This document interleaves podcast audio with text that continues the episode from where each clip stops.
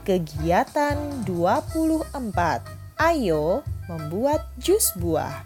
Mari kita menggambarkan dan menceritakan kembali cara pembuatannya.